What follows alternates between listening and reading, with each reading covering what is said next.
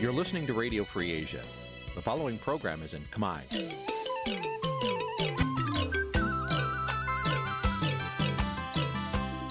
Nǐ chi càm bi tiệp xáy vệt chiu a zì sê នេះជាកម្មវិធីផ្សាយរបស់ Vithu Azisari ជាភាសាខ្មែរ វិទ្យុអាស៊ីសេរីសូមស្វាគមន៍លោកអ្នកនាងទាំងអស់ពីរដ្ឋធានី Washington នៃសហរដ្ឋអាមេរិក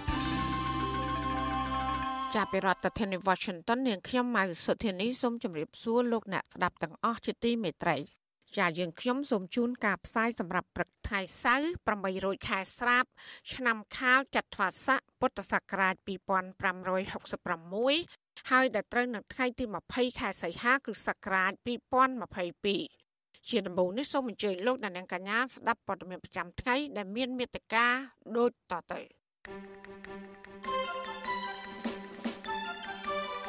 ក្រសួងមហាផ្ទៃថាអត្រាជួញដូរមនុស្សធ្លាក់ចុះក្នុងអំឡុងពេល6ខែដើមឆ្នាំ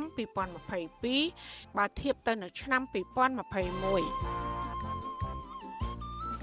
លោកកឹមសុខាថាសមាជិកសភាអាមេរិកផ្ដល់តម្លៃការលះបង់និងការតស៊ូរបស់លោក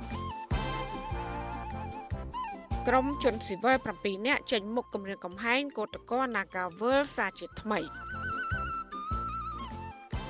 លោកសំរងស៊ីអំពាវនាវឲ្យជនជាតិដើមភាគតិចរួមគ្នាបង្កើតក្រុមប្រឹក្សាជាតិតវ៉ាទៅរដ្ឋាភិបាល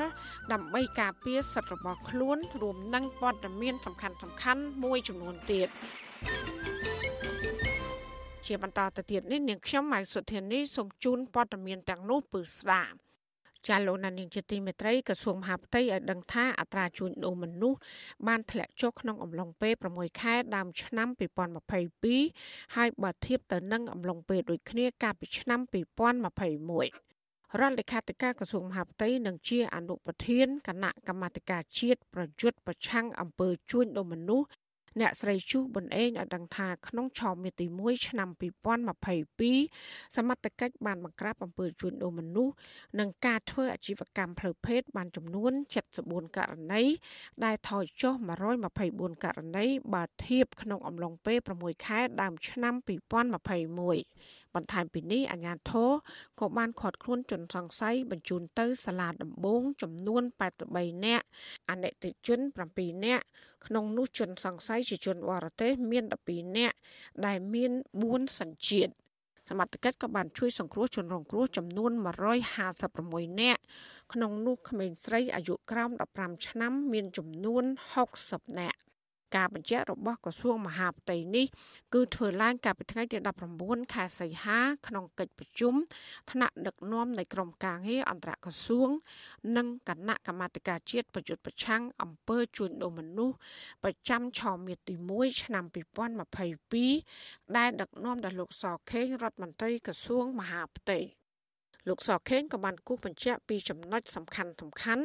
ពាក់ព័ន្ធនឹងការងារប្រយុទ្ធប្រឆាំងអំពើជួញដូរមនុស្សនៅកម្ពុជា ក្នុងតំបន់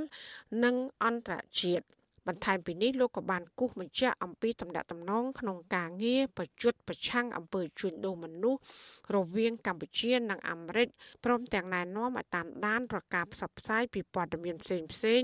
ដែលអាចពាក់ព័ន្ធអំពើជួញដូរមនុស្សដើម្បីចាត់វិធានការបង្ការទប់ស្កាត់និងបង្ក្រាប របាយការណ៍ជួញដូរមនុស្សឆ្នាំ2022របស់ក្រសួងការបរទេសអាមេរិកចេញផ្សាយកាលពីខែកក្កដាបានទម្លាក់ចំណាត់ថ្នាក់កម្ពុជា ពីក្រុមលេខ2មកក្រុមលេខ3វិញដោយសារតែប្រទេសកម្ពុជាពុំបានចាត់វិធានការគ្រប់គ្រាន់និងមានប្រសិទ្ធភាព ដើម្បីទប់ស្កាត់បទល្មើសជួញដូរមនុស្សការកេងប្រវ័ញ្ចផ្លូវភេទនិងពលកម្មកុមារជាដើម thank you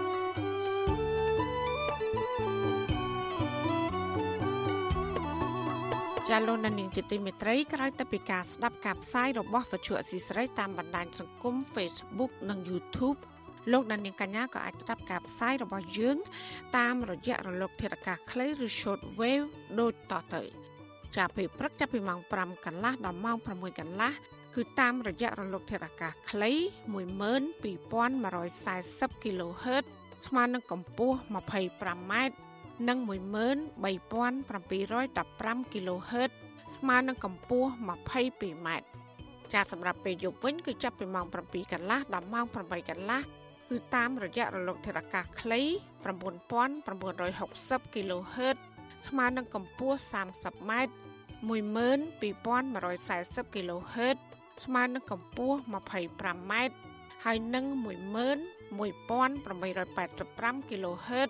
ស្មើនឹងកម្ពស់ 25m ចាសសូមអរគុណ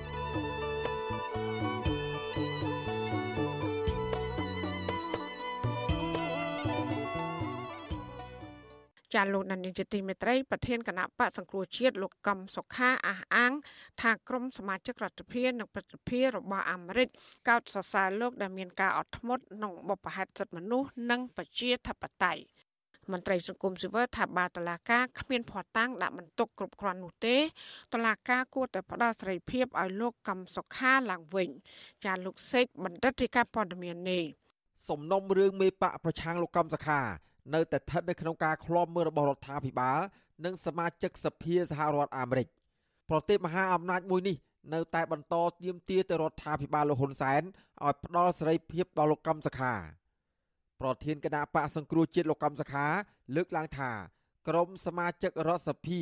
និងព្រឹទ្ធសភាសហរដ្ឋអាមេរិកបានផ្ដល់តម្លៃនៃការតស៊ូអត់ធ្មត់ប្រកបដោយអហិង្សារបស់លោក លោកលើកឡើងទៀតថាគណៈប្រតិភូសមាជិកសភាទាំង5រូបក៏បានកោតសរសើរចំពោះការលះបង់របស់លោក ដើម្បីបបផែនសិទ្ធិមនុស្សនិងលទ្ធិប្រជាធិបតេយ្យលោកកំសខា បានឲ្យដឹងយ៉ាងដូចនេះ តាមរយៈ Facebook របស់លោក នៅថ្ងៃទី19ខែសីហា ដោយភ្ជាប់នឹងរូបថតមួយសន្លឹកជាមួយនឹងសមាជិករដ្ឋសភា និងព្រឹទ្ធសភា5រូបរបស់សហរដ្ឋអាមេរិកដែលបានមកជួបរូបលោកកាលពីថ្ងៃទី16ខែសីហាខណៈដែលគណៈប្រតិភូសមាជិកសភាអាមេរិកមកបំពេញទស្សនកិច្ចផ្លូវការនៅកម្ពុជា ចំណែកសមាជិកព្រឹទ្ធសភាអាមេរិកលោក Edward Markey ដែលជាអនុប្រធានគណៈកម្មការតំណាក់តំណងកិច្ចការបរទេសនៃព្រឹទ្ធសភាអាមេរិក បានសរសេរនៅលើ Facebook របស់លោកកាលពីថ្ងៃទី18សីហាថាគួរទម្លាក់ចោលរាល់បទចោទប្រកាន់លើលោកកំសខាភ្លាមភ្លាមនិងអនុញ្ញាតឲ្យគណៈបកសង្គ្រោះជាតិចូលរួមប្រគល់ប្រជែងក្នុងការបោះឆ្នោតនាពេលខាងមុខដូចគ្នានេះដែរសេចក្តីថ្លែងការណ៍របស់គណៈប្រតិភូសមាជិកព្រឹទ្ធសភា និងសមាជិកសភាអាមេរិកកាលពីថ្ងៃទី18សីហាក៏ទាមទារទៅរដ្ឋាភិបាលលហ៊ុនសែនឲ្យទម្លាក់បទចោទប្រកាន់លោកកម្មសខា និងបើកឲ្យគណៈបកសង្គ្រោះជាតិចូលរួមការបោះឆ្នោតក្នុងឆ្នាំ2023ខាងមុខសេចក្តីថ្លែងការណ៍ដដែលក៏បានលើកឡើងទៀតថាលោកកម្មសខា នៅតែរក្សាជំហរចេញមុខការពារសិទ្ធិសេរីភាពប្រជាពលរដ្ឋបើទោះបីជាត្រូវធ្វើទុកបុកម្នេញគ្រប់រូបភាពពីអាជ្ញាធរនៃរដ្ឋាភិបាលលហ៊ុនសែននិងកំពុងជាប់ចោតពីបទក្បត់ជាតិដែលអូសបន្លាយជិត5ឆ្នាំមកហើយយ៉ាងណាក៏ដោយឆ្លើយតបនឹងការលើកឡើងនេះ អ្នកនាំពាក្យគណៈបកប្រជាជនកម្ពុជាលោកសុកអេសាន នៅតែនិយាយដដាលដដាលថា សមាជិកសភាអាមេរិកលើកឡើងបែបណា ជាសិទ្ធិរបស់គេក៏ប៉ុន្តែការសម្រេចបែបណា លើលោកកំសខា គឺជាសិទ្ធិផ្ដាច់មុខរបស់តុលាការសម្ដេចយុរដ្ឋមន្ត្រីលោកបានប្រកាសជាចំអល់ហើយថាมันអាចយកឯករាជ្យនិងអធិបតេយ្យភាពរបស់កម្ពុជាទៅដោះដូរដោយសារណាមួយដែលច្បាប់ទេអញ្ចឹងទេរដ្ឋាភិបាលមិនលូកដៃកិច្ចការតុលាការទេ ចំណែកនាយកទទួលបន្ទុកកិច្ចការទូតទៅនៃអង្គការលីកាដូលោកអំសំអាត សង្កេតឃើញថាភាគីរដ្ឋាភិបាលឬគណៈបកកណ្ដាលអំណាចនៅតែឆ្លើយបដិសេធដោយលើកឡើងថាកម្ពុជាមានអធិបតេយ្យភាពរបស់ខ្លួនទោះយ៉ាងណា មន្ត្រីសង្គមស៊ីវិលរូបនេះចង់ឃើញកម្ពុជាដើរតាមគន្លងសិទ្ធិមនុស្សលទ្ធិប្រជាធិបតេយ្យនិងផ្ដល់សិទ្ធិសេរីភាពដល់លោកកម្មសខាឡើងវិញ។គួ រតែគិតគូរពិចារណាដើម្បីធ្វើការកែលម្អទៅលើបញ្ហាសិទ្ធិមនុស្សបញ្ហាលទ្ធិប្រជាធិបតេយ្យទៅកម្ពុជាយើងនឹងទទួលបានផលចំណេញមិនខាត់បងបើមិនចឹងទីយើងនៅតែបារម្ភទាក់ទងនឹងបញ្ហាខាត់បងទៅលើ EBA ឬក៏ GSP របស់សហរដ្ឋអាមេរិកនឹងបាទអ្នកសម្របសម្រួលផ្នែកអង្គការរបស់អង្គការឃ្លាំមើលការបោះឆ្នោត Confrel លោកកនសវាងយល់ថាបើតុលាការរកភស្តុតាងដាក់បន្ទុកលើលោកកម្មសខាគ្មានការរីកចម្រើនទេ តុលាការគួរតែលើកលែងការចោទប្រកាន់លោកកម្មសខាលោកបន្តថាចំណាត់ការរបស់តុលាការកន្លងមកធ្វើឲ្យលោកកម្មសខាបាត់បង់គណៈបកបាត់បង់សិទ្ធិសេរីភាពនិងពេលវេលា ដែលខ្ញុំមើលណាដោយដែលខ្ញុំតាមដានពិនិត្យមើលនៅអង្គសាវនាការហ្នឹងពីច្រើនរកចំណុចផ្សេងយកមកដាក់បន្ទុកមិនមែនជារឿងដែលតកតទៅនឹងការចោតប្រកាន់ការចេញពីការចោតប្រកាន់ដែលមានផោះតាំងមានអីរហូតដល់ការកាត់រំលាយគណៈបកហ្នឹងគឺថាដូចវាខុសគ្នាវាដូចខុសគ្នានៅក្នុងចំណុចនៃការស្វែងរកហ្នឹងបាទតកតងនឹងសំណុំរឿងលោកកម្មសខានេះដែរមេធាវីការពីក្តីប្រធានគណៈបកសង្គ្រោះជាតិលោកកម្មសខា គឺអ្នកស្រីមេងសុភារី បានលើកឡើងថា ការខ្វះខាតឯកសាររបស់តំណាងអัยការក្នុងការចោទប្រកាន់ជាការបញ្ជាក់ថាតុលាការគ្មានភ័ស្តុតាងគ្រប់គ្រាន់ក្នុងការដាក់បន្ទុកលើលោកកម្មសខានោះទេអ្នកស្រីមេធាវីបន្តថាតុលាការគួរតែទម្លាក់ចោលបទចោទប្រកាន់ឬដោះលែងលោកកម្មសខាឲ្យមានសេរីភាពឡើងវិញលោកកម្មសុខាបានបាត់បង់សិទ្ធិសេរីភាពជិត5ឆ្នាំមកហើយ ក្រោយពីរដ្ឋាភិបាលលហ៊ុនសែនបានចោទប្រកាន់ថាមេបកប្រឆាំងរូបនេះខុបខិតជាមួយរដ្ឋបរទេសដើម្បីផ្ដួលរំលំរដ្ឋាភិបាលកាលពីឆ្នាំ2017ទូយ៉ាងណាតុលាការមិនទាន់រកឃើញភ័ស្តុតាងដាក់បន្ទុកលើលោកកម្មសខាគ្រប់គ្រាន់នៅឡើយទេបើទោះបីជាតុលាការបានរំលាយគណៈបកសង្គ្រោះជាតិព្រោះតែការចោទប្រកាន់បែបនេះក្តីកាលពីពេលថ្មីថ្មីនេះរដ្ឋមន្ត្រីការបរទេសអាមេរិកលោក Anthony Blinken បានលើកឡើងថា កម្ពុជានឹងទទួលបានអត្ថប្រយោជន៍ពីការអនុញ្ញាតឲ្យលោកកម្មសខា មានសិទ្ធិធ្វើនយោបាយនិងការចូលរួមក្នុងដំណើរការប្រជាធិបតេយ្យឡើងវិញខ្ញុំបាទសេកបណ្ឌិតវិទ្យុអាស៊ីសេរីពីរដ្ឋធានីវ៉ាស៊ីនតោន ចាលោកនាងជាទីមេត្រីលោកហ៊ុនម៉ាណែតកូនប្រុសរបស់លោកនាយករដ្ឋមន្ត្រីហ៊ុនសែនអះអាងថាលោកមិនបាននៅពីក្រោយខ្នងនៃគម្រោងវិនិយោគនៅតំបន់ភ្នំតាម៉ៅទៅឲ្យក្រុមហ៊ុនលេងណាវត្រានោះឡើយលោកចាត់ទុកថាអ្នកដែលបានចោទប្រកាន់លើរូបលោក គឺជារឿងប្រឌិតនិងមូលបង្កាច់ដើម្បីកេងចំណេញនយោបាយតែប៉ុណ្ណោះ ប្រតិកម្មនេះកើតមានឡើងក្រោយពេលដែលស្ថាបនិកអង្គការមេដាធម្មជាតិគឺលោកអាឡិចដែលបានលើកឡើងថាលោកហ៊ុនម៉ាណែតអាចនៅពីក្រោយខ្នងនៃគម្រោងអភិវឌ្ឍនៅតំបន់ភ្នំតាម៉ៅ លោកហ៊ុនម៉ាណែតបានបង្ហោះវីដេអូនៅលើ Facebook នៅថ្ងៃទី19ខែសីហាដោយលើកឡើងថាម្ចាស់ក្រុមហ៊ុនលេងណាវត្រាគឺជាក្រុមការងារយុវជនរបស់លោក ដែលតែងទៅចូលរួមជួយសង្គមនិងយុវជនជាច្រើនប៉ុន្តែលោកបដិសេធចំពោះការចោទប្រកាន់របស់ស្ថាបនិកអង្គការមេដាធម្មជាតិលោកអាឡិច ថារូបលោកជាប់ពាក់ព័ន្ធករណីរដ្ឋការដោះដូរដីឲ្យក្រុមហ៊ុនឯកជនមួយនេះដើម្បីអភិវឌ្ឍនៅតំបន់ភ្នំតាម៉ៅកន្លងមកពីព្រោះគ្មានផតាងហើយដែលលោកមិនអាចទទួលយកបានឡើយលោកហ៊ុនម៉ាណែតបានចាប់ប្រកាន់ទៅលោកអាលិចថាមានគំនិតទុច្ចរិតដើម្បីប្រឌិតរឿងកេងចំណេញប្រយោជន៍នយោបាយ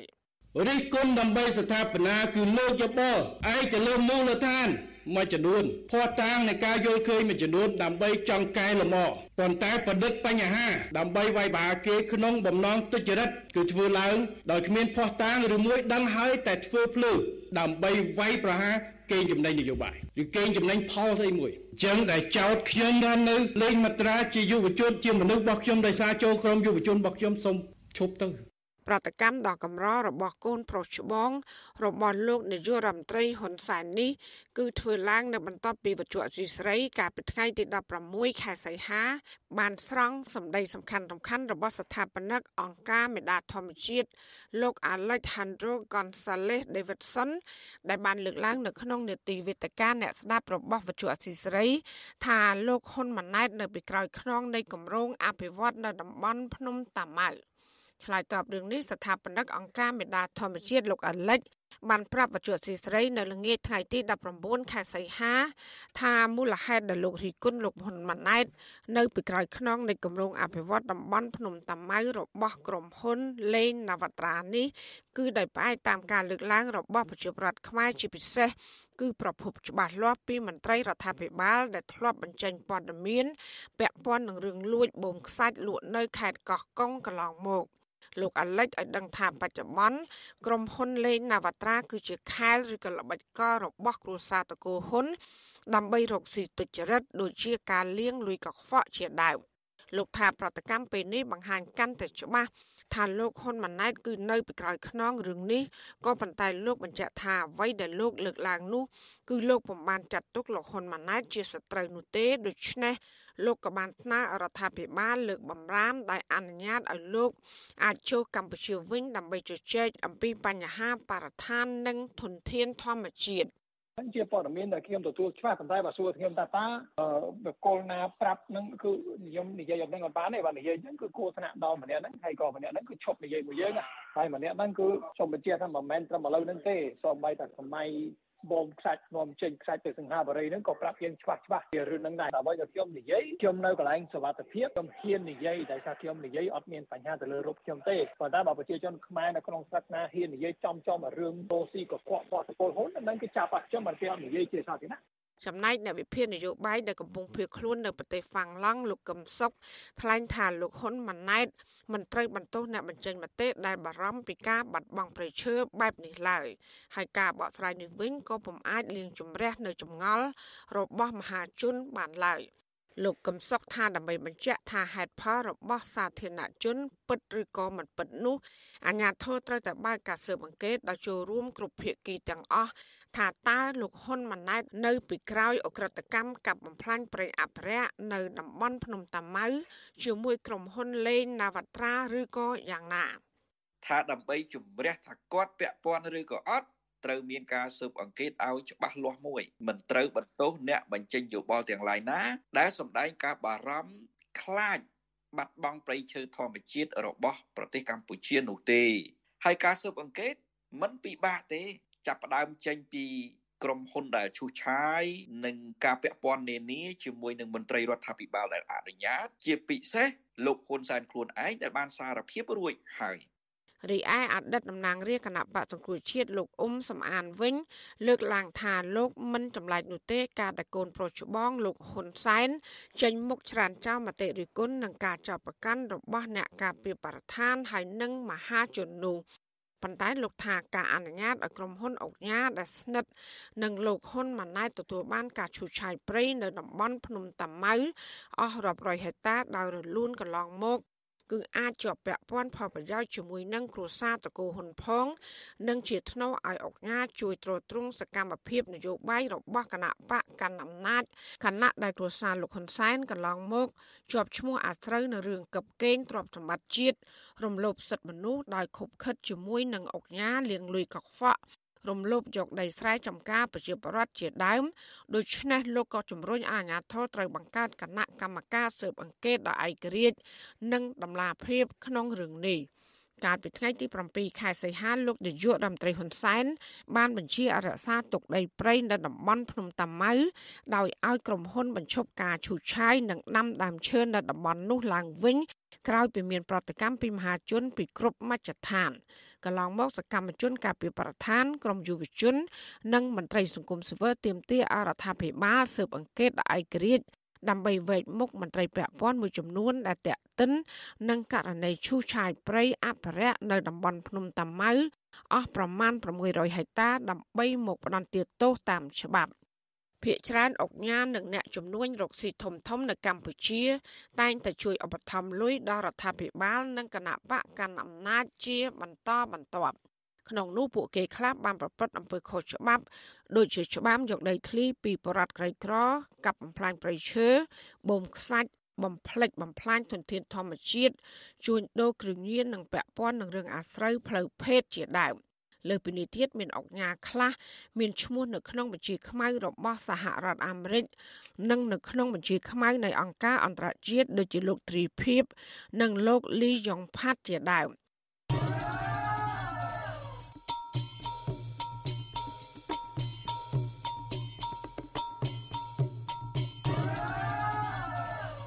ចាលោកណានៀងជាទីមេត្រីមន្ត្រីសង្គមស៊ីវិលនិងជនជាតិដើមភាគតិចអះអាងថាការផ្ដាល់ដីសម្បត្តិសេដ្ឋកិច្ចរបស់រដ្ឋាភិបាល គឺជាមូលហេតុចម្បងនាំឲ្យប៉ះពាល់ប្រពៃណីវប្បធម៌ជីវភាពរស់នៅ និងការរំលោភសិទ្ធិជនជាតិដើមភាគតិចជាប្រព័ន្ធ ពួកគេមើលឃើញថានៅរយៈពេលជាង1ទសវត្សរ៍ចុងក្រោយនេះការអនុវត្តគោលនយោបាយផ្ដោតដីសម្បត្តិសេដ្ឋកិច្ចរបស់រដ្ឋាភិបាលនោះគឺនៅខ្វះចន្លោះច្រើននាំឲ្យមានរឿងរ៉ាវចំនួនដីធ្លីធ្ងន់ធ្ងរក្នុងសង្គមចាលោកថាថៃមានសេចក្តីរាយការណ៍ពឹស្ដាជំវិញព័ត៌មាននេះដូចតទៅមន្ត្រីសង្គមស៊ីវិលនិងជនជាតិដើមភាគតិចមើលឃើញថាការផ្ដាល់ដីសម្បត្តិសេដ្ឋកិច្ចរបស់រដ្ឋាភិបាលគឺជាដើមចមប៉ះពាល់សេដ្ឋកិច្ចពលរដ្ឋចំនួនដីធ្លីការបដិងផ្ដាល់ សកម្មភាពកាប់ឈើខុសច្បាប់និងការធ្លាក់ចុះនៅទំនៀមទម្លាប់វប្បធម៌របស់ជនជាតិដើមភាគតិចគ្រប់តំបន់លើសពីនេះក្រុមហ៊ុនដែលទទួលអាជ្ញាប័ណ្ណដីសម្បត្តិសេដ្ឋកិច្ចពីរដ្ឋាភិបាលស្ទើរតែទាំងអស់មិនបានអនុវត្តត្រឹមត្រូវតាមកិច្ចសន្យាវិនិយោគនោះទេធ្វើឲ្យជនជាតិដើមភាគតិចធ្លាក់ខ្លួនក្រីក្រដោយសារការរំលោភដីធ្លីដីអាស្រ័យផល ដីសហគមន៍និងដីចំការវិលជុំជាដើមចំណែកសម្បត្តិធនធានធម្មជាតិដែលពួកគាត់ធ្លាប់អាស្រ័យផលគេពីឪពុកម្ដាយ បានទទួលរងការកាប់បំផ្លាញឥតឈប់ឈរតំណាងសហគមន៍ជនជាតិដើមភាគតិចកាចករស់នៅឃុំតាឡាវស្រុកអណ្ដូងមាសខេត្តរតនគិរី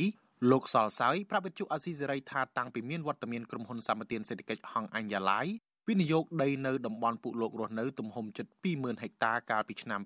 2010ធ្វើឲ្យជនជាតិដើមភាគតិចរាប់ពាន់គ្រួសារលំបាកវេទនាជីវភាពក្រីក្រ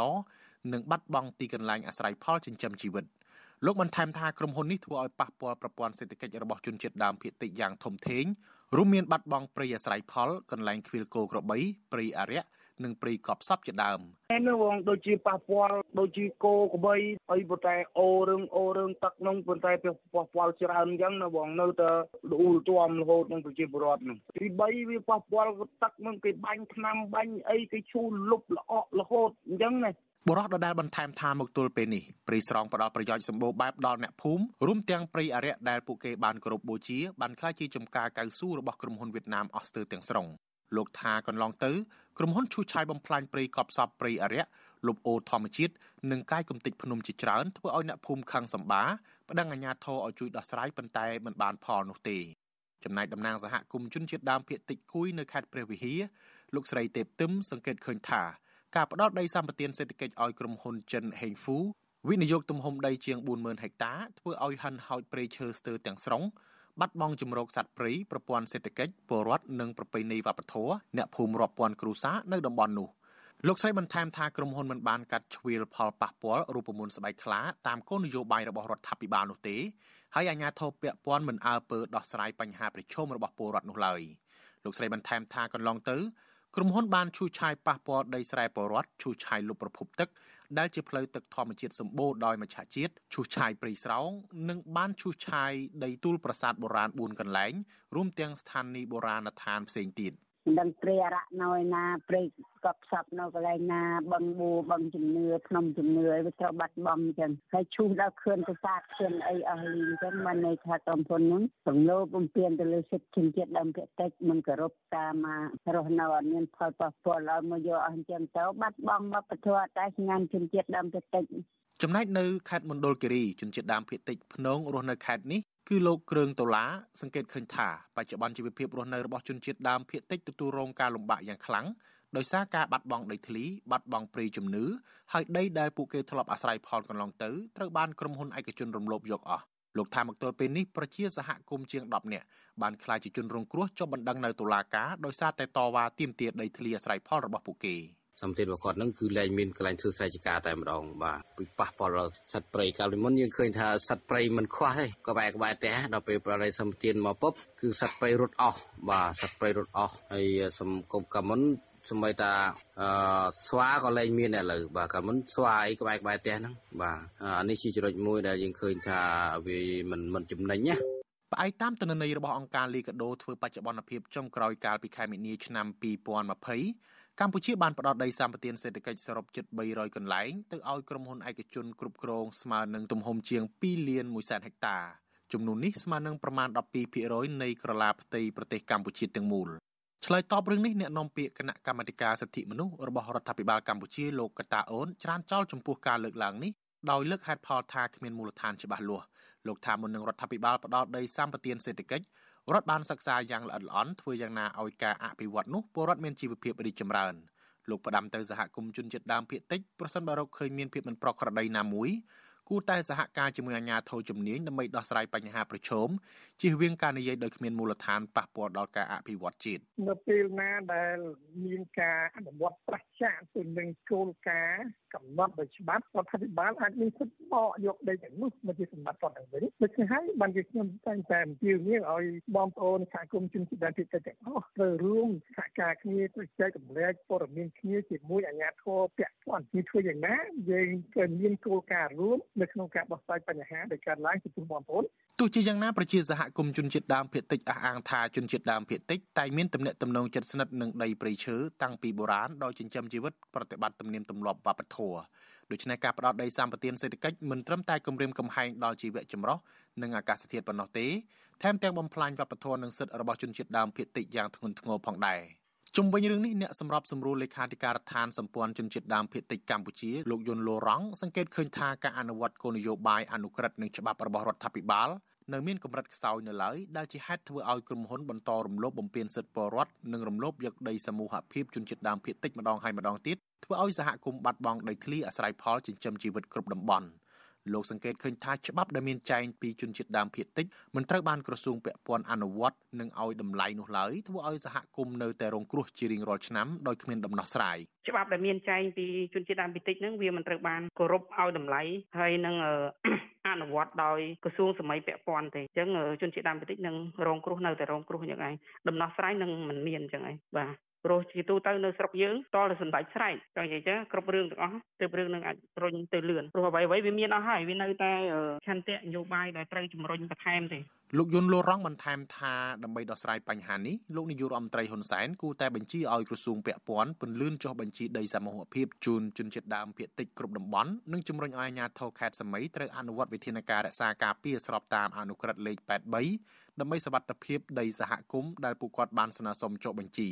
របាយការណ៍អង្គការលីកាដូបន្ថែមថាក្រុមហ៊ុនរបស់ប្រទេសចិនទទួលបានចំណាយគ្រប់គ្រងដីនៅកម្ពុជាច្រើនជាងគេស្មើនឹងជិត4សែនហិកតាឬស្មើនឹងទំហំប្រទេសសិង្ហបុរីជាង5ដងរីឯវៀតណាមឈរនៅលំដាប់ទី2កំពុងគ្រប់គ្រងដីនៅកម្ពុជាទំហំជាង360,000ហិកតាចំណែកអ្នករាយការណ៍ពិសេសស្ដីពីស្ថានភាពសិទ្ធិមនុស្សនៅកម្ពុជាលោកវិទិតមុនតាបូន ធ្លាប់បានលើកឡើងអំពីកង្វល់មួយចំនួនទាក់ទងនឹងសិទ្ធិជនជាតិដើមភាគតិចនៅកម្ពុជាក្នុងរបាយការណ៍ដែលលោកបានដាក់ជូនក្រមប្រឹក្សាសិទ្ធិមនុស្សអង្គការសហប្រជាជាតិកាលពីឆ្នាំ2021ថាសហគមន៍ជនជាតិដើមភាគតិចជួបប្រទះបញ្ហាលើការគ្រប់គ្រងនិងការប្រើប្រាស់ដីប្រពៃណីរបស់ខ្លួនព្រមទាំងនីតិវិធីស្មុគស្មាញក្នុងការចុះបញ្ជីបានកម្មសិទ្ធិដីសមូហភាព។លើសពីនេះការិយាល័យឧត្តមស្នងការសិទ្ធិមនុស្សអង្គការសហប្រជាជាតិក៏បានធ្វើយុទ្ធនាការលើបណ្ដាញសង្គម Facebook ដើម្បីជំរុញឲ្យគ្រប់ភាគីចូលរួមរក្សាដីជនជាតិដើមភាគតិចដោយគ្រប់គ្រងសម្របសម្រួលនីតិវិធីផ្ដល់បានកម្មសិទ្ធិដីសមូហភាពស្ថាប័នអង្គការសហប្រជាជាតិដដែលនេះសង្កត់ធ្ងន់ថាការរក្សាដីជនជាតិដើមភាគតិចមានន័យស្មើនឹងការរក្សាអត្តសញ្ញាណប្រពៃណីវប្បធម៌និងជំនឿរបស់ពួកគាត់យ៉ាងដូច្នោះដែរខ្ញុំថាថៃពីទីក្រុងមែលប៊នលោកដានៀងកញ្ញាកំពុងស្ដាប់ការផ្សាយរបស់វិទ្យុអាស៊ីស្រីផ្សាយចេញពីរដ្ឋធានី Washington ប្រធានស្ដីទីគណៈបក្សសង្គ្រោះជាតិលោកសំរងស៊ីលើកឡើងថារដ្ឋាភិបាលបានផ្ដល់ដីសម្បត្តិសេដ្ឋកិច្ចទៅឲ្យក្រុមហ៊ុនបរទេសមួយចំនួនវិនិយោគនៅកម្ពុជានោះពុំបានផ្ដល់ផលចំណេញអ្វីជាដុំកំភួនដល់ជាតិនោះឡើយប៉ុន្តែផ្ទុយទៅវិញលោកអះអាង ថាជាការបំផ្លាញសេដ្ឋកិច្ចប្រពៃណីនិងវប្បធម៌របស់ជនជាតិដើមភាគតិចទៅវិញទេ សូមលោកអ្នកនាងកញ្ញារងចាំស្ដាប់បទសម្ភាសជាមួយលោកសំរងស៊ីជំវិញបញ្ហានេះនាពេលបន្តិចទៀតនេះចាលោកអ្នកនាងជាទីមេត្រីវັດជុអសីស្រីសូមជូនដំណឹងថាយើងគ្មានអ្នកយកព័ត៌មានប្រចាំទៅប្រទេសកម្ពុជានោះឡើយបើសិនជាមានជនណាម្នាក់អះអាងថាជាអ្នកយកព័ត៌មានឲ្យវិទ្យុអសីស្រីនៅកម្ពុជានោះ គឺជាការក្លែងបន្លំយកឈ្មោះរបស់បច្ចុប្បន្នស៊ីសេរី ក្នុងគោលបំណងទុច្ចរិតរបស់បុគ្គលនោះចាសសូមអរគុណចាលោកណានៀងជាទីមេត្រីក្រុមគុតកោ Nagawal ឲ្យដឹងថាពួកគេត្រូវបានក្រុមបារោះស្លៀកពាក់ជាជនស៊ីវិល ចំនួន7នាក់ចេញមុខគម្រាមកំហែងពួកគេជាថ្មីទៀតកាលពីថ្ងៃទី19ខែសីហាម្សិលមិញ បន្ទាប់ពីបានអាក់ខានអស់រយៈពេល2ថ្ងៃកន្លងមកនេះគតកោ Nagawer អ្នកស្រីគង់សាវឿនឲ្យដឹងថាកាលពីរសៀលថ្ងៃសុក្រទី19ខែសីហាម្សិលមិញ បុគ្គលិកចូលរួមបន្តធ្វើកោតកម្មដោយមានអ្នកចូលរួមប្រមាណជាង100នាក់ហើយអ្នកស្រីថានៅពេលដែលពួកគេបានប្រមូលផ្ដុំគ្នា នៅ ក្បែររបងមុខក្រុមហ៊ុននោះស្រាប់តែមានជនស៊ីវិលមួយក្រុមបានចេញមុខគម្រាមកំហែងកោតក្រតែម្ដងដោយជេរប្រមាថនិងធ្វើសកម្មភាពគម្រាមផ្សេងទៀតខណៈដែលពួកគាត់កំពុងលើកបដាទាមទារឲ្យតកែក្រុមហ៊ុន ចេញមកជួបដោះស្រាយវិវាទមួយនេះ អឺនិយាយទៅពួកគាត់ហ្នឹងគឺពួកស៊ីវិលដែលអត់មានអធិដ្ឋានច្បាស់លាស់អត់មានអត្តសញ្ញាណច្បាស់លាស់ហ្នឹងគឺគាត់មកជារៀងរាល់ថ្ងៃគាត់មកថតគាត់មកជេរប្រមាថគាត់មកវិជាឲ្យវៃគឺគាត់មានសិទ្ធិរហូតគាត់មានសិទ្ធិវិជាឲ្យអាជ្ញាធរវៃបានទៀតហើយអត់ដឹងថាគាត់នឹងមកពីស្ថាប័នណាទេមានអធិដ្ឋានអត់មានអីត្រឹមត្រូវអត់មានអត្តសញ្ញាណអីមុខងារអីសោះតែគាត់មានសិទ្ធិវិជាឲ្យអាជ្ញាធរវៃបាន គាត់មានសិទ្ធិវិជាឲ្យអាជ្ញាធរដកកំភ្លើងបាញ់ពួកខ្ញុំគម្រាមពួកខ្ញុំបានហើយដូចជាថ្ងៃនេះគឺគាត់អឺយកស្បែកជើងមកប្រមាថពួកខ្ញុំលើកធ្វើថតរកគប់ហើយគម្រាមពួកខ្ញុំថាបើសិនជាចេញជិះម៉ូតូចេញក្រៅតាមថ្នល់នេះគឺមិននឹងវៃឲ្យងាប់ ក្រុមគឧតកោថាពេលនេះពួកគាត់កំពុងមានក្តីបារម្ភពីសុវត្ថិភាពក្រុមគឧតកោក៏បានបញ្ជាក់ថាបើគឧតកោណាម្នាក់មានបញ្ហាគ្រោះថ្នាក់អ្វីមួយគឺមិនមាននរណាក្រៅពីជនស៊ីវិលមួយក្រុមនេះទេ ដែលមានគ្នាចំនួន7នាក់នេះឡើយ។ រយៈពេលពីថ្ងៃកន្លងមកនេះគឺនៅថ្ងៃទី17និងថ្ងៃទី18ខែសីហាកម្លាំងសន្តិសុខនៃរាជធានីភ្នំពេញបានបន្ធូរដៃបង្ក្រាបក្រុមគុតកោនៃក្រុមហ៊ុនបនលបែងកាស៊ីណូ Naga World ស្របពេលដែលអ្នករាយការណ៍ពិសេសរបស់អង្គការសហប្រជាជាតិទទួលបន្ទុកផ្នែកសិទ្ធិមនុស្សប្រចាំនៅកម្ពុជា លោកវិទិតមុនតាបូនបានចុះខ្លំមើលការធ្វើកុតកម្មនោះដោយផ្ទាល់កាលពីថ្ងៃទី17ខែសីហា ចាសហជីពប្រចាំក្រុមហ៊ុន Nagawal មើលឃើញថាអរិយាប័ត្ររបស់អាជ្ញាធររាជធានីភ្នំពេញបែបនេះបានផ្លាស់ប្ដូរភ្លាមភ្លាម100%បើធៀបទៅនឹងសប្តាហ៍មុនមុនជាពិសេសនៅពេលដែលមិនទាន់មានតំណាងជាន់ខ្ពស់ UN មានវត្តមាននៅប្រទេសកម្ពុជា។ ក្រុមគឧតកោទៀមទារដ្ឋាភិបាលជំរុញទៅក្រសួងការងារឲ្យឆាប់ដោះស្រាយបញ្ចប់វិវាទការងារជាមួយក្រុមហ៊ុនបនលបែងកាស៊ីណូ Naga World នេះពីព្រោះរយៈពេល8ខែមកហើយដែលពួកគាត់រស់នៅទាំងវេទនាអត់ការងារធ្វើអត់ប្រាក់ចំណូលគ្រួសារហើយពេលចេញតវ៉ារោគយុទ្ធធម្មម្ដងម្ដងត្រូវបានក្រុមសមត្ថកិច្ចប្រាំអំពើហិង្សាវេដំឲ្យរងរបួសរាងកាយធ្ងន់ធ្ងរហើយមានការគំរាមកំហែងដល់អាយុជីវិត ព្រមទាំងការធ្វើទុកបុកម្នេញផ្សេងផ្សេងទៀត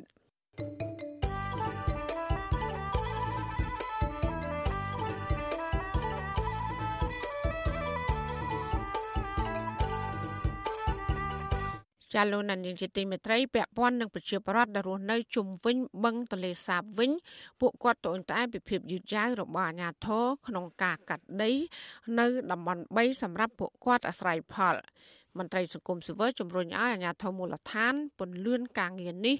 ដើម្បីជួយសម្រួលដល់ជីវភាពរបស់ប្រជាពលរដ្ឋនិងស្របតាមបញ្ជារបស់លោកនាយករដ្ឋមន្ត្រីហ៊ុនសែនជាលោកជាតិចំណាននៃការព័ត៌មាននេះប្រជាពលរដ្ឋរស់នៅតំបន់បឹងទន្លេសាបក្នុងខេត្តបាត់ដំបងរិះគន់អាជ្ញាធរដែលចេះតែពន្យាពេលក្នុងការចោះវាស់វែងកាត់ដីតំបន់3នៅតំបន់បឹងទន្លេសាបឲ្យពលរដ្ឋដើម្បីអាស្រ័យផលពួកគេបារម្ភថាប្រសិនបើការងារកាត់ដីតំបន់នេះ នៅតែយឺតយ៉ាវបន្តទៀតនោះទឹកទន្លេនឹងមកដល់ដែលធ្វើឲ្យប៉ះពាល់ដល់ជីវភាពរស់នៅរបស់ពលរដ្ឋពលរដ្ឋរស់នៅភូមិប្រែកត្រប់ឃុំប្រែកនរិនស្រុកឯកភ្នំលោកទីចន្ទថាប្រាប់វិសុអេស៊ីសរ៉ៃនៅថ្ងៃទី19ខែសីហាថាកន្លងមកអាញាធរធ្លាប់សន្យាក្នុងថ្ងៃឃោសនាបោះឆ្នោតថានឹងចុះកាត់ជ្រៀតដីតំបន់3ឲ្យពលរដ្ឋដើម្បីអាស្រ័យផលលោកអះអាងថាទោះជាថ្ងៃបោះឆ្នោតបានកន្លងផុតទៅយូរហើយក្តីក៏លោកមិនឃើញអាញាធរណាម្នាក់ចុះវាស់វែងដីតំបន់3ឲ្យពលរដ្ឋ តាមការសន្យានោះទេលោកបន្តថាដីទាំងនោះមានស្មៅដុះច្រើនឡើងវិញដែលបង្កការលំបាកដល់ការធ្វើស្រែចម្ការនៅឆ្នាំក្រោយហើយលោកមិនហ៊ានទៅកាប់ឆ្ការត្រួសត្រាយស្មៅនៅទីនោះនោះឡើយព្រោះខ្លាចរងការចោទប្រកាន់ពីអាជ្ញាធរពាក់ព័ន្ធករណីកាប់ទន្ទ្រានព្រៃលិចទឹកលោកស្នើឲ្យអាជ្ញាធរកាត់ដីតំបន់3ឲ្យ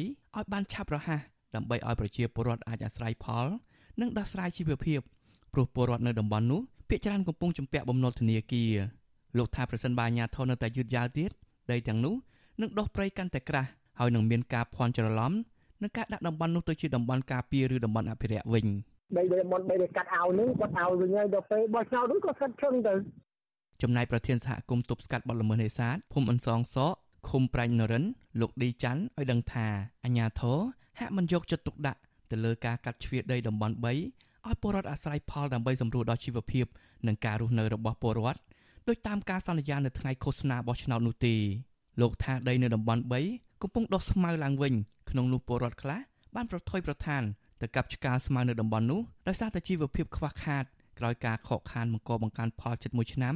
បន្ទាប់ពីលោកហ៊ុនសែនបានបញ្ជាឲ្យដកហូតដីទាំងនោះត្រឡប់មកវិញកាលពីថ្ងៃទី28ខែវិច្ឆិកាឆ្នាំ2021លោកស្នើសុំឲ្យអាជ្ញាធរពន្យាការងារឲ្យបានឆាប់រហ័សដើម្បីឲ្យប្រជាពលរដ្ឋអាចអាស្រ័យផល ជាពិសេសនៅមុនទឹកទន្លេឡើងនៅខែក្រោយនេះមានគេកាប់ខ្លះខ្លះកាប់ទៅបន្ថយបន្ថយថាគួរសម្ដេចថាឲ្យហើយថានេះមន្ត្រីកាប់អវត្តថាមិនឲ្យក៏ត្រូវទៅកាប់ដែរ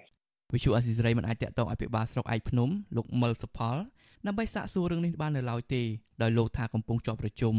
ជុំវិញរឿងនេះអ្នកសម្របសម្រួលផ្នែកខ្លំមើលការរំលោភសិទ្ធិនៃអង្គការលីកាដូប្រចាំខេត្តបាត់ដំបងលោកអិនគង្ជិតមានប្រសាសន៍ថាអាញាធរមូលដ្ឋាន គួរតែចុះអនុវត្តការងារ និងពន្លឿនការវាស់វែងជូនប្រជាពលរដ្ឋដោយតាមការសន្យាមុនពេលបោះឆ្នោត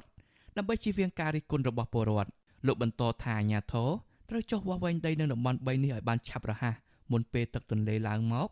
ដែលធ្វើឲ្យលិចផ្លូវបង្កការលំបាកដល់ការបំពេញការងារនិងផ្ដល់ឱកាសឲ្យពលរដ្ឋអាចបង្កបង្កើនផលនៅអំឡុងពេលនេះ ជីវភាពពួកគាត់ពឹងលើការនេសាទហើយនិងការដាំដុះបន្លែបង្ការផលដំណាំដទៃទៀតអញ្ចឹងបើសិនជាពន្លឿនបានឆាប់រហ័សនេះធ្វើឲ្យពួកគាត់មានការសប្បាយចិត្តហើយក៏ដូចជាការចូលរួមលើកកម្ពស់ជីវភាពពួកគាត់ផងដែរកាលពីថ្ងៃទី27ខែឧសភាលោកហ៊ុនសែនបានប្រកាសដាក់បញ្ជាឲ្យអាជ្ញាធរពាក់ព័ន្ធកាត់ជ្រៀតដីតំបន់3នៅបឹងទន្លេសាបតាមរយៈយុទ្ធសាស្ត្រស្បែកខ្លាដែលប្រគល់ជូនពលរដ្ឋដែលកាន់កាប់យូរមកហើយនោះលោកបញ្ជាក់ថាគ្មានការបណ្តេញចេញ ពលរដ្ឋដែលកំពុងរស់នៅតំបន់ទន្លេសាបនោះទេផ្ទៃដីនិងព្រៃលិចទឹកជុំវិញបឹងទន្លេសាបត្រូវបានបែងចែកជា3តំបន់តំបន់ទី1គឺជាតំបន់ដែលមានពលរដ្ឋរស់នៅអាស្រ័យអាចកាន់កាប់ជាកម្មសិទ្ធិស្របច្បាប់តំបន់ទី2ជាតំបន់ពលរដ្ឋអាស្រ័យផលបានតែមិនអាចធ្វើជាម្ចាស់កម្មសិទ្ធិបានឡើយនិងតំបន់ទី3ជាព្រៃលិចទឹកដែលពលរដ្ឋគ្រប់គ្រងនិងហាមឃាត់ដាច់ខាតមិនឲ្យមានការរំលោភបំពានប៉ុន្តែថ្មីថ្មីនេះលោកហ៊ុនសែនបានបញ្ជាឲ្យធ្វើការកែសម្រួល ដោយកាត់ជ្រៀតដីបឹងទន្លេសាបខ្លះចេញពីតំបន់2មកចូលតំបន់1ហើយកាត់ផ្ទៃបឹងទន្លេសាបខ្លះពីតំបន់3ចូលមកតំបន់2ដោយផ្អែកលើការអភិរក្សនិងការរស់នៅជាក់ស្ដែងរបស់ប្រជាពលរដ្ឋតាំងពីយូរណាស់មកហើយខ្ញុំបាទជាចំណាន Visual Assisray ពីរដ្ឋធានី Washington ចាលោកអ្នកស្ដាប់ទីមេត្រីនៅឯខេត្តបរសៃហនុអានោះវិញប្រជាពលរដ្ឋដែលចូលមករស់នៅលើដីរបស់រដ្ឋចំនួនជិត300គ្រួសារនៅក្នុងភូមិពូធឿងឃុំបាក់ត្រា បានឲ្យដឹងថាអាជ្ញាធរគួរតែឲ្យពួកគាត់ចាក់ចេញតាមសម្រួលដោយមិនត្រូវមកបំផ្លាញទ្រព្យសម្បត្តិរបស់ពលរដ្ឋនោះឡើយ។ ប្រជាប្រដ្ឋអះអាងថាពួកគាត់នៅមិនទាន់រកបានដីសម្រាប់សាងសង់ទីជម្រកបានទេ បន្ទាប់ពីក្រុមអាជ្ញាធរខេត្តនេះ បានដឹកនាំកងកម្លាំងចម្រុះទៅរុះរើផ្ទះសម្បែងរបស់ពួកគាត់ កាលពីថ្ងៃទី16ខែសីហាចានេះគឺជាសកម្មភាពរបស់លោកទីនសាការីយ៉ាជំវិញបញ្ហានេះ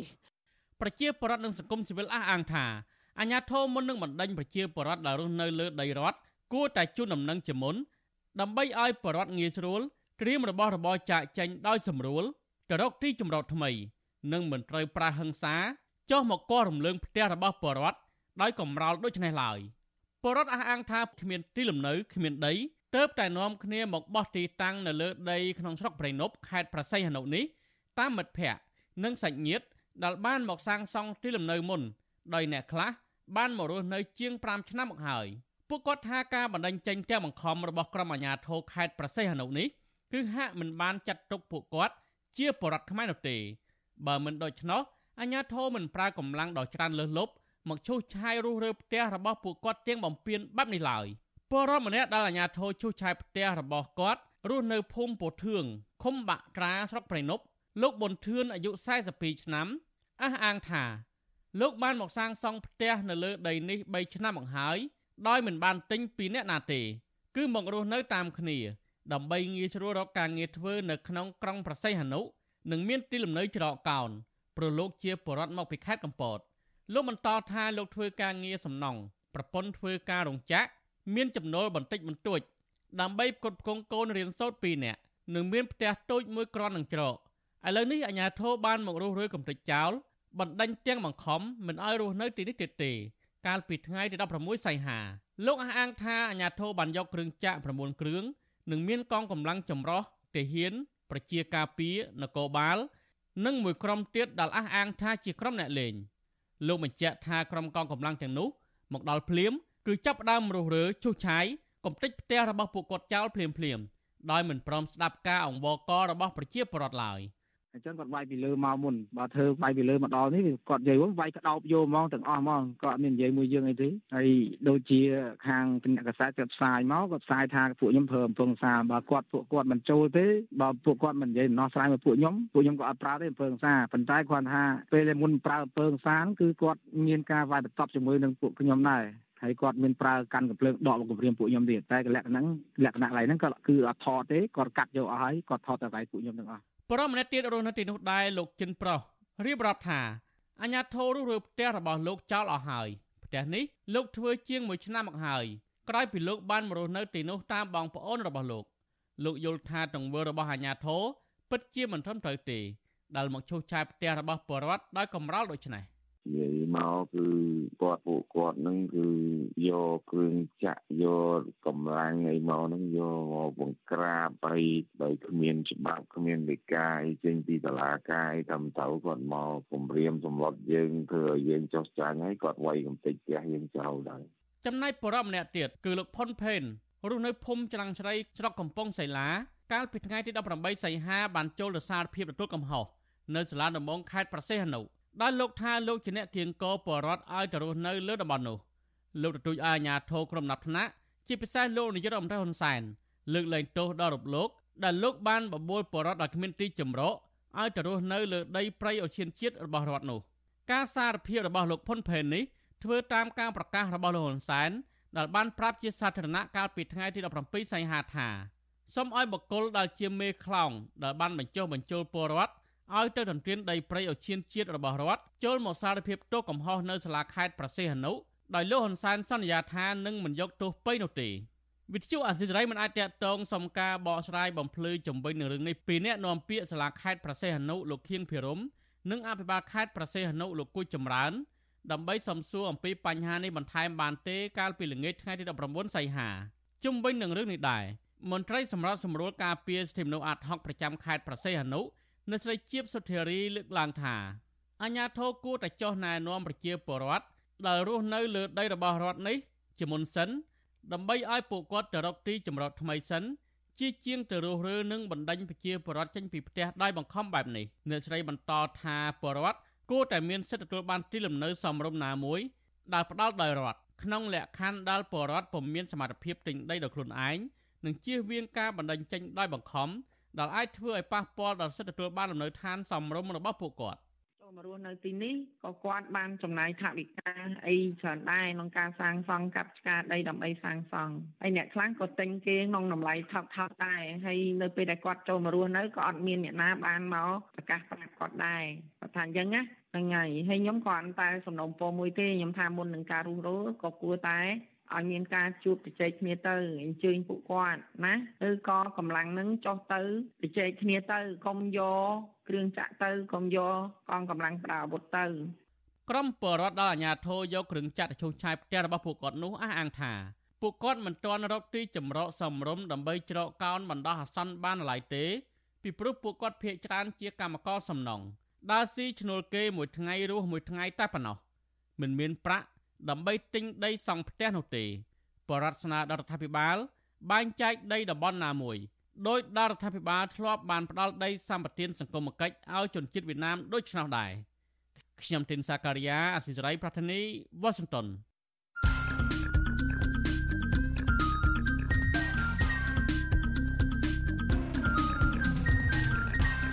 បតសំភារ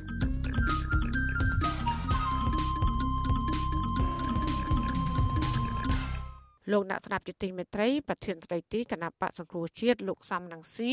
លើកឡើងថារដ្ឋាភិបាលបានផ្ដល់ដីសម្បត្តិសេដ្ឋកិច្ចទៅឲ្យក្រុមហ៊ុនបរទេសមួយចំនួនវិនិយោគនៅប្រទេសកម្ពុជានោះ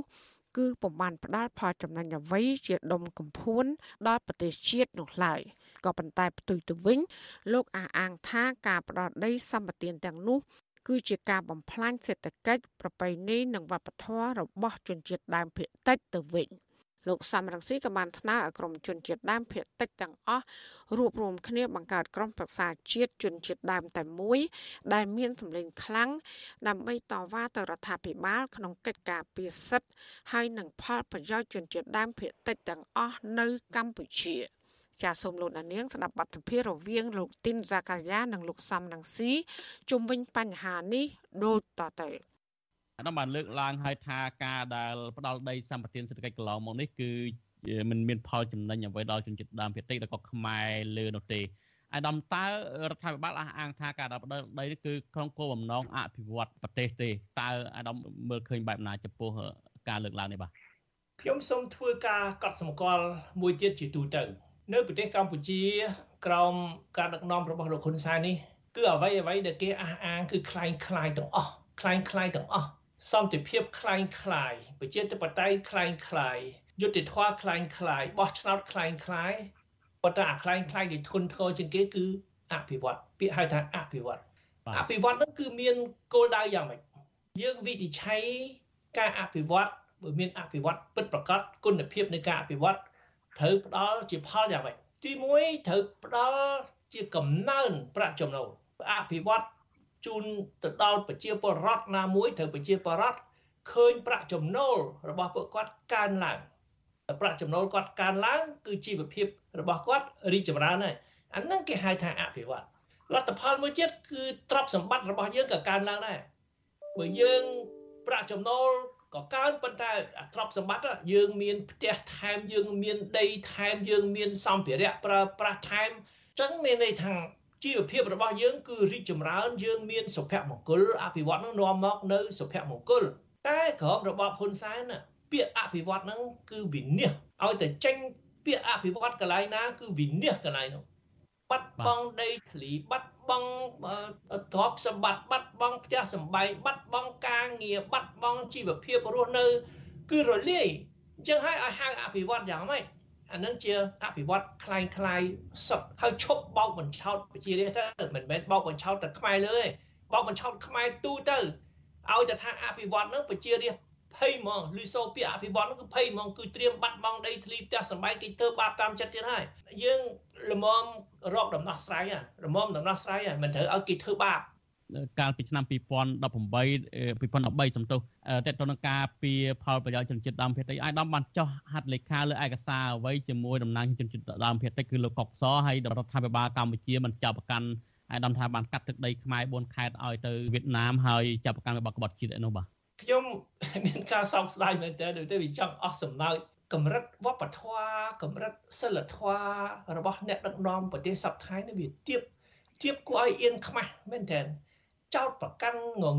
ចោតប្រកាន់ខ្ញុំយ៉ាងងងើលណាចោតប្រកាន់ទៅទឹងទឹះផែអត់ចេះមើលអសរអ្វីដែលហៅថាសេចក្តីថ្លែងការណ៍របស់អង្គការសហប្រជាជាតិឆ្នាំ2007ស្តីពីសិទ្ធិរបស់ជនជាតិដើមភាគតិចខ្ញុំយកឯកសាររបស់ការសហប្រជាជាតិ ខ្ញុំច្រឡងចម្លងទាំងស្រុងបេះបិទឯកសាររបស់អង្គការសហប្រជាជាតិនឹងដែលគេធានាសិទ្ធិជីវិតរស់នៅភាពថ្លៃថ្នូររបស់ជនជាតិដើមភាគតិចទាំងអស់សម្រាប់ពិភពលោកគេធ្វើឯកសារនេះសម្រាប់ពិភពលោកទូទាំងពិភពលោកប្រទេសទាំងអស់ខ្ញុំយកឯកសារទូទៅសម្រាប់ពិភពលោកខ្ញុំយកមកថាឥឡូវសម្រាប់ប្រទេសកម្ពុជាគឺយើងត្រូវអនុវត្តបែបហ្នឹងដែរអត់មានបន្ថែមអត់មានបន្ថយអីទាំងអស់ជាឯកសារអង្គការសហប្រជាជាតិសុទ្ធសាធខ្ញុំ សន្យាប្រាប់តំណាងជនជាតិដើមភាគតិចមួយមួយរូបពួកចារាយចារាយនៅរតនគិរីច្រើនណាខ្ញុំថាពេលណាប្រទេសកម្ពុជា មានអ្នកដឹកនាំដែលប្រកាន់ជំហរប្រជាធិបតេយ្យដែលគោរពសិទ្ធិប្រជាពលរដ្ឋជាទូទៅហើយសិទ្ធិជនជាតិដើមភាគតិចគឺយើងយើងយកឯកសារអង្គការសហជីវជាតិយកមកអនុវត្តឯកសារនោះគឺគឺគឺអ្វីគឺយើងគោរពសិទ្ធិរបស់ពួកគាត់កុំទៅបំផ្លាញជីវិតគាត់ កុំទៅដកហូតទ្រព្យសម្បត្តិគាត់ឲ្យគាត់មានសិទ្ធិសេរីភាពនិយាយការពារផលប្រយោជន៍គាត់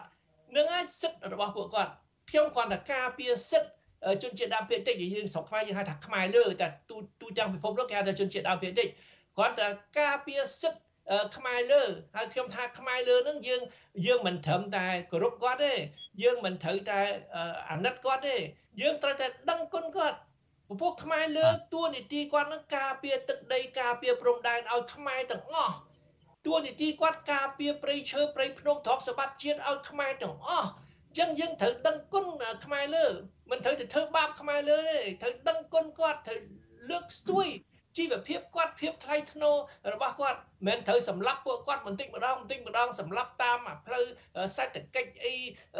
វិនិយោគអីខ្លាំងខ្លាយអភិវឌ្ឍខ្លាំងខ្លាយអានេះជាការសម្លាប់ខ្មែរលើតែម្ដងនឹងចំហ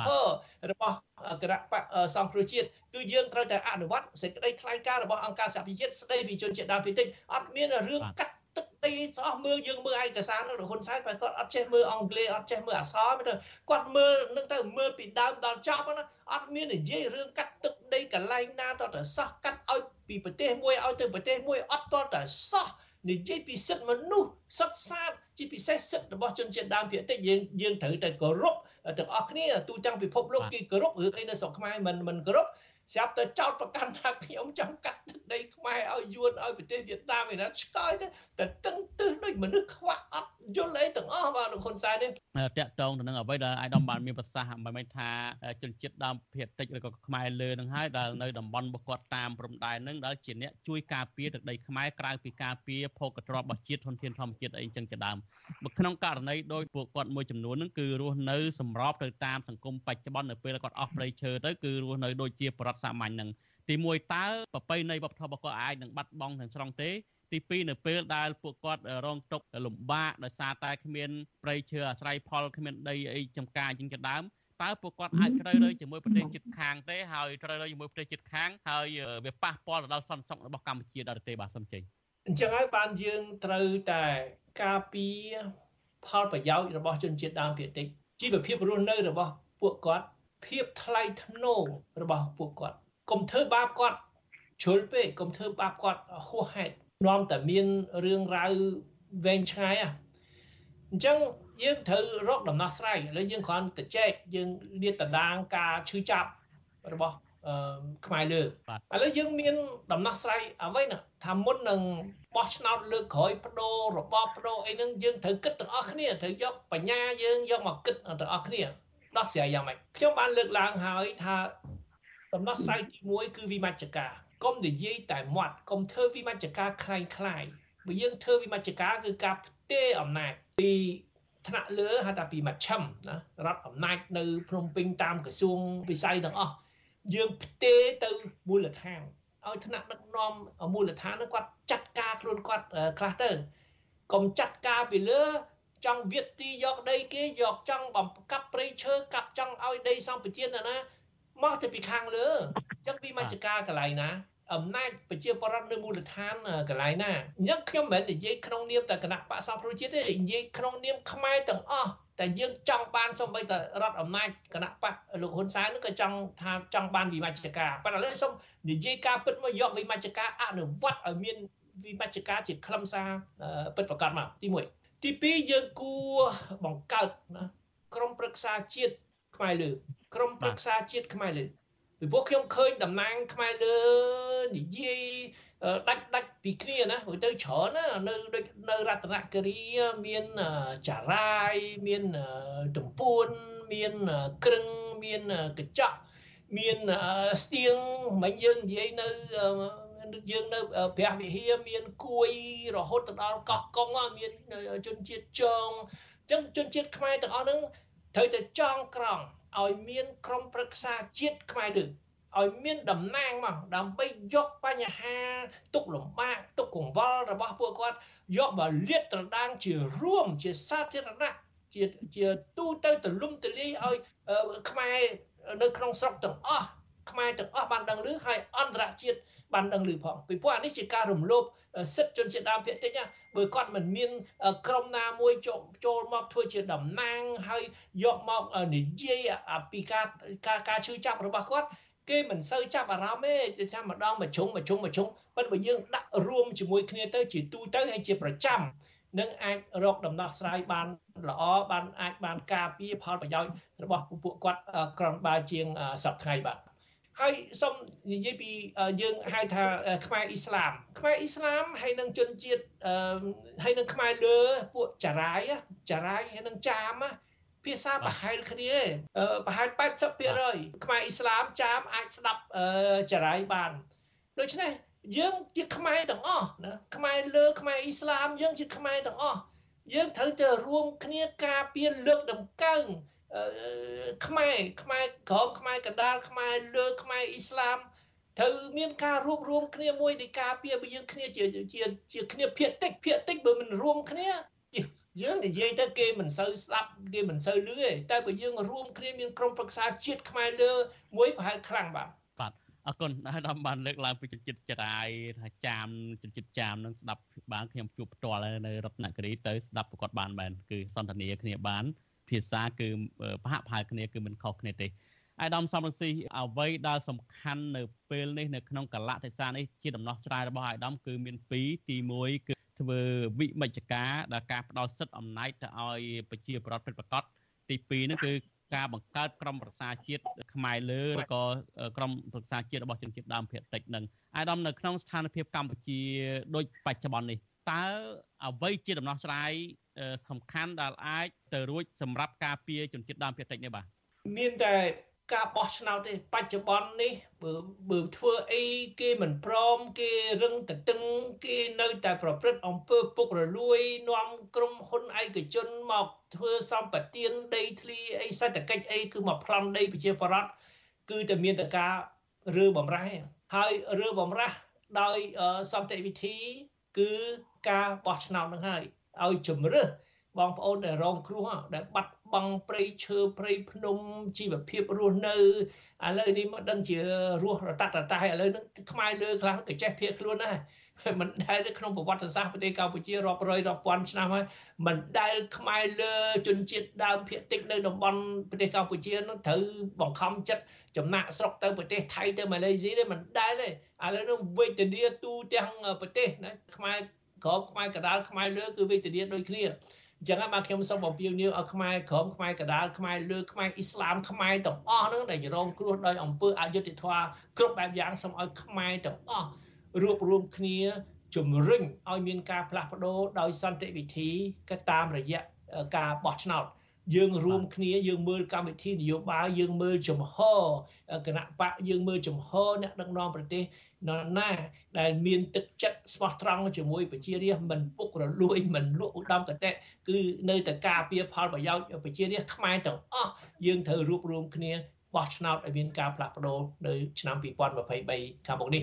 អរគុណច្រើនអាដាមសំរងស៊ីចាលោកដានៀងកញ្ញាទៅបានស្ដាប់បទសម្ភាសន៍របស់លោកទីនហ្សាការីយ៉ានិងលោកសំរងស៊ី ជុំវិញបញ្ហាដែលរដ្ឋាភិបាលផ្ដល់ដីសម្បត្តិសេដ្ឋកិច្ចដែលនាំឲ្យប៉ះពាល់ដល់វប្បធម៌ជនជាតិដើមភាគតិចនិងប្រពៃណីរបស់ពួកគាត់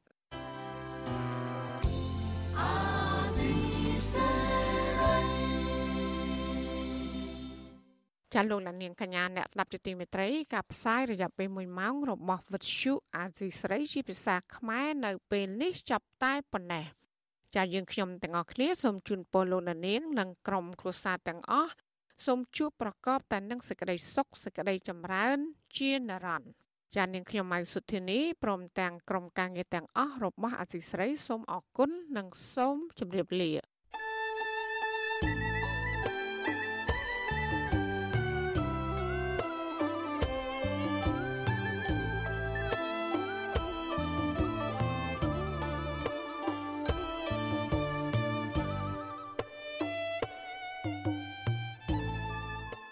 ទ្យុអាស៊ីសេរីផ្សាយតាមរលក ធាតុអាកាសខ្លីឬ short wave តាមកម្រិតនិងកម្ពស់ដូចតទៅនេះពេលព្រឹកចាប់ពីម៉ោង5កន្លះដល់ម៉ោង6កន្លះតាមរយៈរលកធាតុអាកាសខ្លី12140 kHz ស្មើនឹងកម្ពស់ 25m និង13715 kHz ស្មើនឹងកម្ពស់ 22m ពេលយប់ចាប់ពីម៉ោង7កន្លះដល់ម៉ោង8កន្លះតាមរយៈរលកធាតុអាកាសខ្លី 9960 kHz ស្មើនឹងកម្ពស់ 30m 12140 kHz ស្មើនឹងកម្ពស់ 25m និង11885 kHz ស្មើនឹងកម្ពស់ 25m លោកអ្នកនាងអាចស្ដាប់ការផ្សាយផ្ទាល់តាមប្រព័ន្ធអ៊ីនធឺណិតដោយចូលទៅកាន់គេហទំព័រ www.rfa.org/ ខ្មែរក្រៅពីនេះលោកអ្នកនាងក៏អាចអាននិងទស្សនាព័ត៌មាន Vithu Azisari លើទូរស័ព្ទដៃរបស់លោកអ្នកផ្ទាល់សូមលោកអ្នកនាងចូលទៅកាន់បណ្ដាញសង្គម Facebook ដែលមានអាសយដ្ឋាន www.facebook.com/rfa.cambodia និង YouTube www.youtube.com/rfa khmer video សូមលោកអ្នកនាងចុច like និងចុច subscribe ដើម្បីទទួលបានព័ត៌មានថ្មីៗទាន់ហេតុការណ៍និងទស្សនាវីដេអូផ្សេងៗទៀតបានគ្រប់ពេលវេលា 嗯。